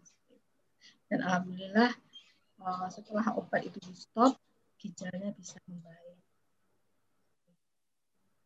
gitu Baik, terima kasih dok uh. atas penjelasannya. Nah, uh, Bu Indah, jadi untuk uh, hipertensi ini kembali lagi dari jenisnya. Apakah hipertensi ini adalah hipertensi karena dia ada penyakit atau memang hipertensi primer? Jadi kalau memang karena ada penyakit lain, misalkan ada diabetes, kemungkinan nanti kalau diabetes atau penyakit lainnya sudah terkontrol, otomatis hipertensinya juga akan terkontrol. Sedangkan jika masuknya ke dalam hipertensi yang primer yang tidak tahu penyebabnya, kemungkinan ini adalah tetap terus menggunakan pengobatan antihipertensi dan selalu kontrol, dilakukan monitoring untuk tekanan darahnya. Lalu yang kedua adalah e, dibolehkan nih ibu untuk melakukan e, mengkonsumsi tambahan obat herbal, tapi jangan yang uh, tidak jelas atau jangan yang abal-abal. Nah, di sini kita udah ada nih si stoker yang sudah kita jamin dari bahannya, dari proses produksinya, dari formulasinya, ini mengandung uh, tiga bahan alami yang tadi sudah saya sebutkan bahwa ada seledri, ada mengkudu, ada daun salam. Ini udah combo, udah kombinasi yang uh, bagus sekali, jadi bisa dikonsumsi sebagai terapi pendukung juga untuk hipertensi. Lalu uh, terima sedikit Mbak Priska, sedikit ada ya. tambahan. Ini menarik juga ini yang disampaikan Dr. Rina tadi. Jadi uh, saran untuk Bapak Ibu semuanya ini mulai beralihlah dari yang dinamakan herbal tapi tidak berstandar farmasi. Jadi betul, selamat betul. untuk Anda semuanya yang sampai hari ini sudah menggunakan produk-produk nutracetika Unihead untuk uh, pendamping kesehatan Anda. Jadi nggak perlu khawatir, silahkan konsumsi Stoker dan Astagok untuk uh, terapi pendamping hipertensi Anda. Silahkan Mbak Priska lanjut. Betul, betul sekali. Setuju dengan Pak Jafar. Jadi jangan sampai karena kita niatnya ingin sembuh, tapi karena salah dari pengobatan atau salah dari caranya, malahan mempermarah kondisi. Begitu. Kita lanjut ya dok untuk pertanyaan kedua. Ya. Uh, ini sudah ada dari um, Ibu Yulia. Uh, dokter, apakah aman penderita hipertensi mengkonsumsi garam nutrasalin nutrisalin sorry yang merendah natrium untuk makanan sehari-hari dok. Mau dibantu dok untuk jawabannya dok. Oke terima kasih Bu Yulia. E, memang yang menjadi masalah untuk hipertensi ini adalah kadar natriumnya. Jadi pada banyak makanan itu kadar natrium tinggi itu ditenggarai bisa menyebabkan retensi cairan ya. Retensi cairan itu maksudnya harusnya cairan itu bisa keluar lewat pipis, tapi ini terhambat oleh uh, natrium itu. Jadi natrium itu menarik cairan, dia senang sama cairan sehingga kadang kalau orang-orang ya ya kayak kita lihat lah, misalnya orang yang uh, misalnya kita membuat ikan asin ya, kalau ada dikasih garam itu mesti terus ditarik oleh garamnya gitu ya, sehingga ikannya jadi kering gitu ya. Nah, kalau ini masalahnya garamnya di dalam badan kita, otomatis garam itulah yang kemudian menarik cairan sehingga uh, cairan yang harusnya keluar lewat pipis tidak bisa keluar dengan baik. Nah, memang kalau di luar negeri natrium kata kata seorang ini ya ahli ya di natrium di sana itu sudah dikontrol. Jadi kalau untuk produk-produk yang tinggi kalau natrium, kadar natriumnya tinggi itu harga pajaknya itu lebih tinggi jadi pajaknya untuk mem, apa me, misalnya memasarkan produk yang tinggi natrium itu itu tinggi harganya mahal gitu ya. Sementara kalau Indonesia itu kan gampang banget makanan-makanan uh, produksi yang tinggi natrium itu bebas dan mungkin murah-murah. Jadi orang dengan mudah mendapatkannya. Padahal efek ke belakangnya itu berat seperti itu. Nah, boleh nggak dengan uh, produk yang garam yang rendah natrium boleh.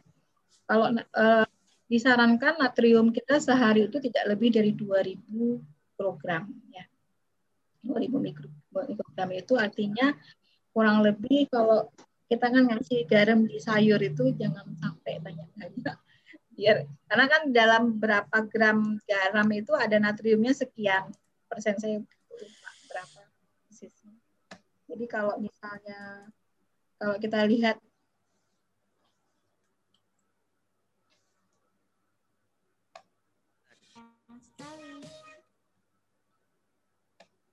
itu menghabiskan kuota makan natrium kita hari itu gitu ya. Jadi nggak boleh makan yang lain, ini makan itu doang. Gitu. Karena natriumnya itu maksimal sehari segitu. Nah, kalau rendah natrium, misalnya natriumnya nggak sampai 2, 2000 sehari, itu jauh lebih baik. Menjaga agar tidak terjadi retensi cairan sehingga beban jantung itu tidak berlebihan. Nah, nah itu memang kalau untuk regulasi ya, pajak makanan itu memang bukan wilayah dokter ya. Dokter kan cuma membantu. Harusnya itu wilayahnya uh, pemegang kebijakan gitu ya. Jadi memang uh, kontrol misalnya makanan X kadar garamnya tinggi ini pajaknya tinggi aja biar anak-anak nggak bisa beli gitu ya kalau memang sekarang mungkin tujuh ribu aja udah bisa makan mengkonsumsi makanan yang asin yang garamnya tinggi Nah, itu kan resiko ke, belak ke depannya ketika anak-anak itu dari sekarang konsumsi garamnya tinggi, lama-lama dia akan bisa mudah terdeteksi sebagai hipertensi. Seperti yang tadi saya sampaikan, 26 persennya itu banyak di usia muda dan itu pada anak laki-laki. Ya. Mungkin sekalian menjawab pertanyaan Bu Yulita ya, yang anak-anak bisa nggak darah tinggi gitu ya. Iya, ya. boleh dok. Ya. Uh, uh, jadi memang benar ibu. Jadi nggak cuma orang dewasa, pada anak-anak itu juga bisa mengalami hipertensi. Hanya saja persentasenya kecil. Ya. Uh, biasanya hipertensi pada anak-anak itu uh, bisa disebabkan karena ada kelainan uh, misalnya kayak uh, pembuluh darah ginjalnya yang menyempit atau penyakit-penyakit penyakit yang menyertai, misalnya autoimun dan sebagainya. Kalau karena makanan sih jarang, tapi biasanya kalau makanannya ketika masih anak-anak itu makannya asin-asin, ke depannya yang berdampak di kemudian hari seperti itu deh. Pada pada masa anak itu jarang. Tapi ada anak dengan hipertensi. Malah ada sebuah penelitian itu hipertensi pada remaja itu sudah mulai banyak.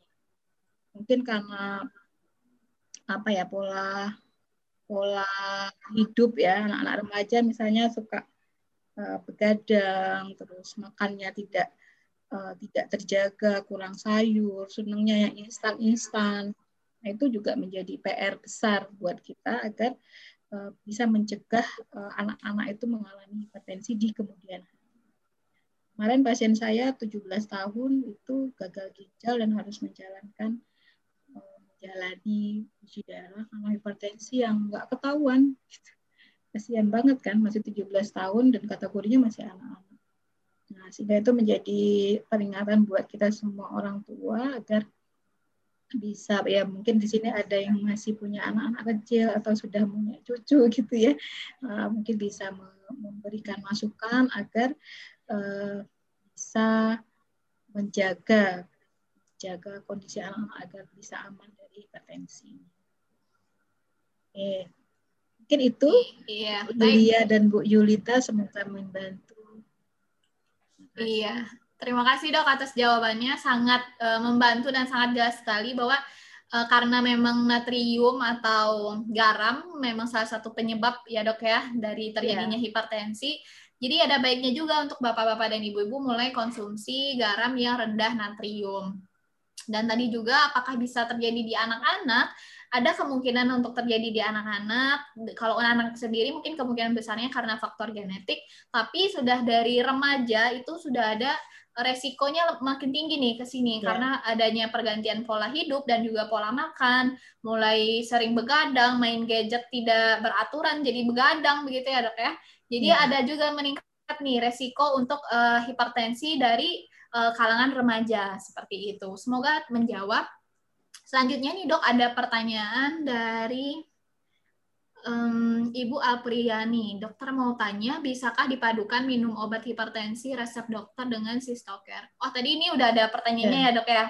Uh, jadi Bu Apriani uh, bisa di, uh, dikombinasikan untuk penggunaan obat hipertensi dan dibantu dengan konsumsi sistoker. Tadi juga ada disarankan dokter Rina mungkin uh, agak dijeda aja untuk menghindari terjadinya interaksi antar obat itu. Jadi mungkin uh, habis diminum obat anti hipertensinya dua jam kemudian atau satu setengah jam kemudian diminum atau dikonsumsi si stokernya.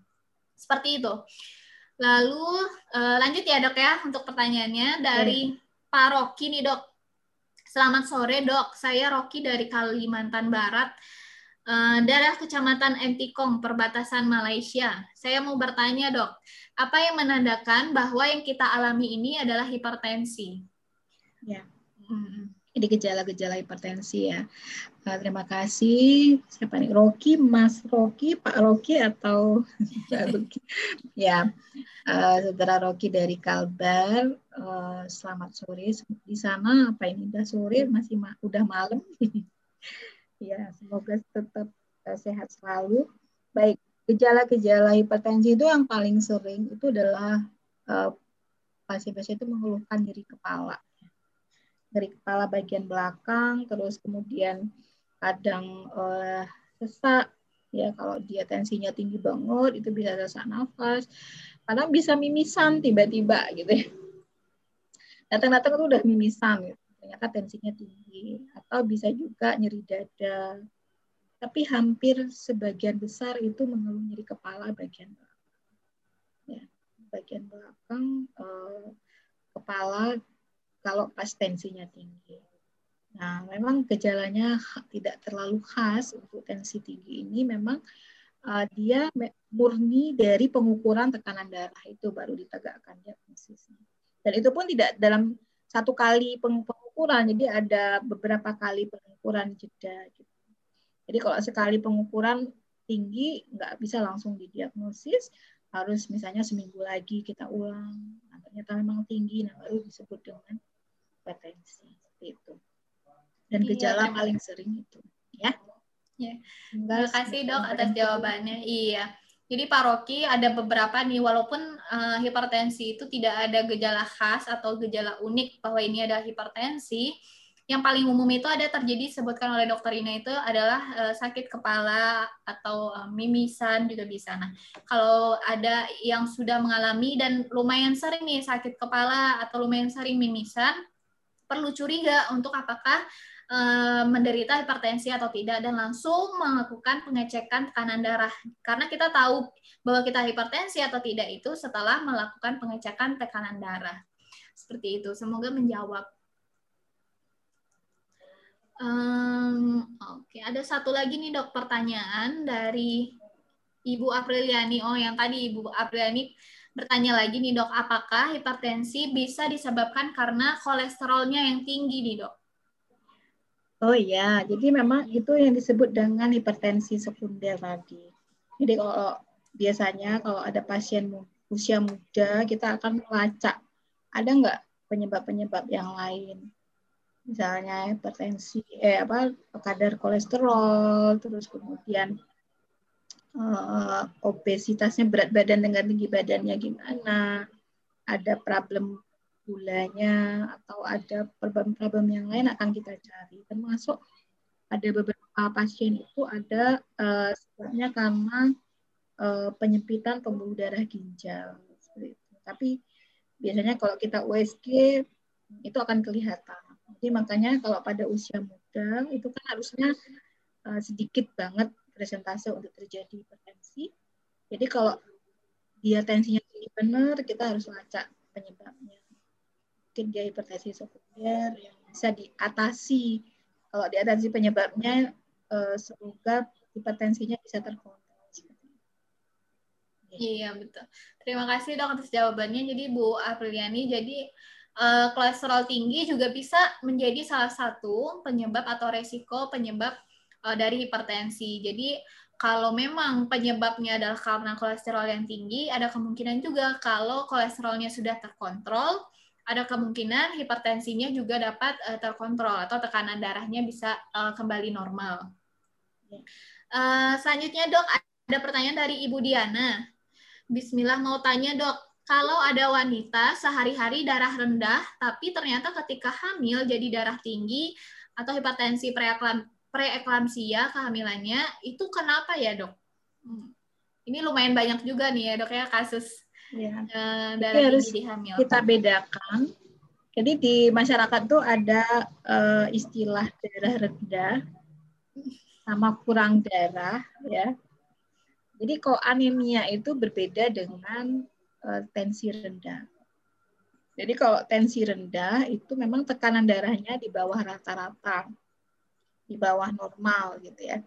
Kalau tadi uh, hipertensi itu di atas 120, nah kalau dia darah rendah itu bisa tensinya di bawah 90 gitu ya.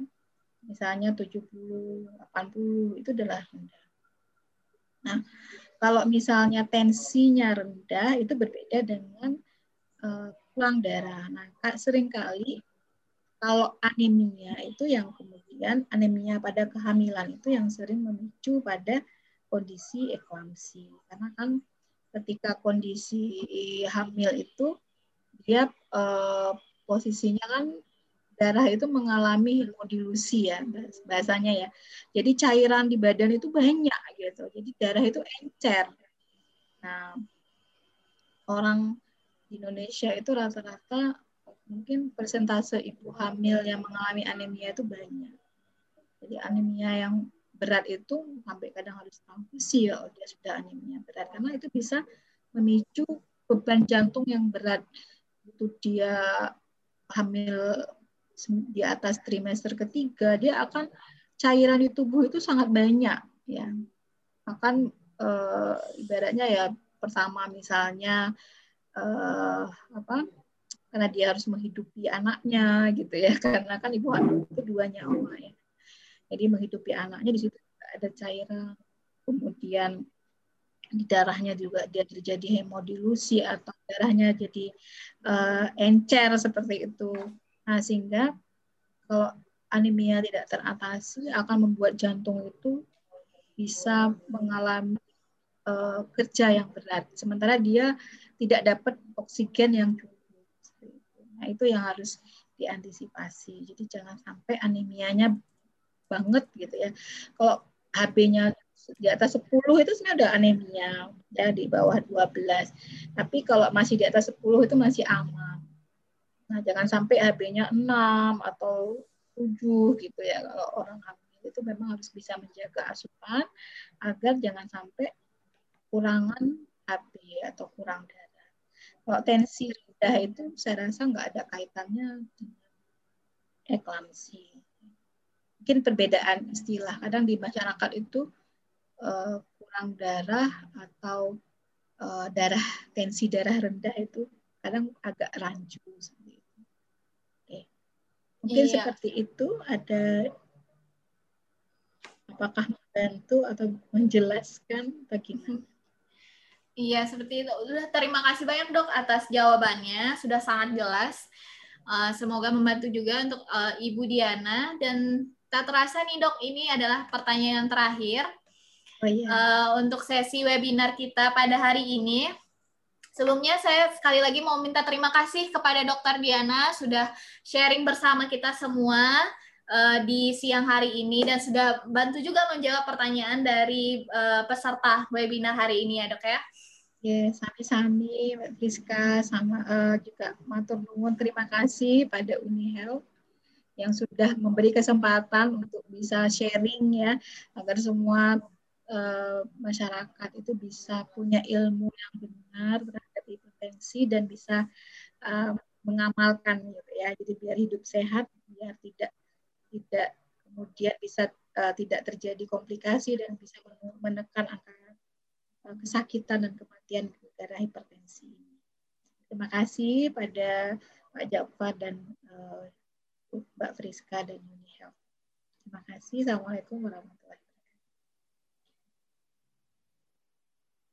Waalaikumsalam warahmatullahi wabarakatuh.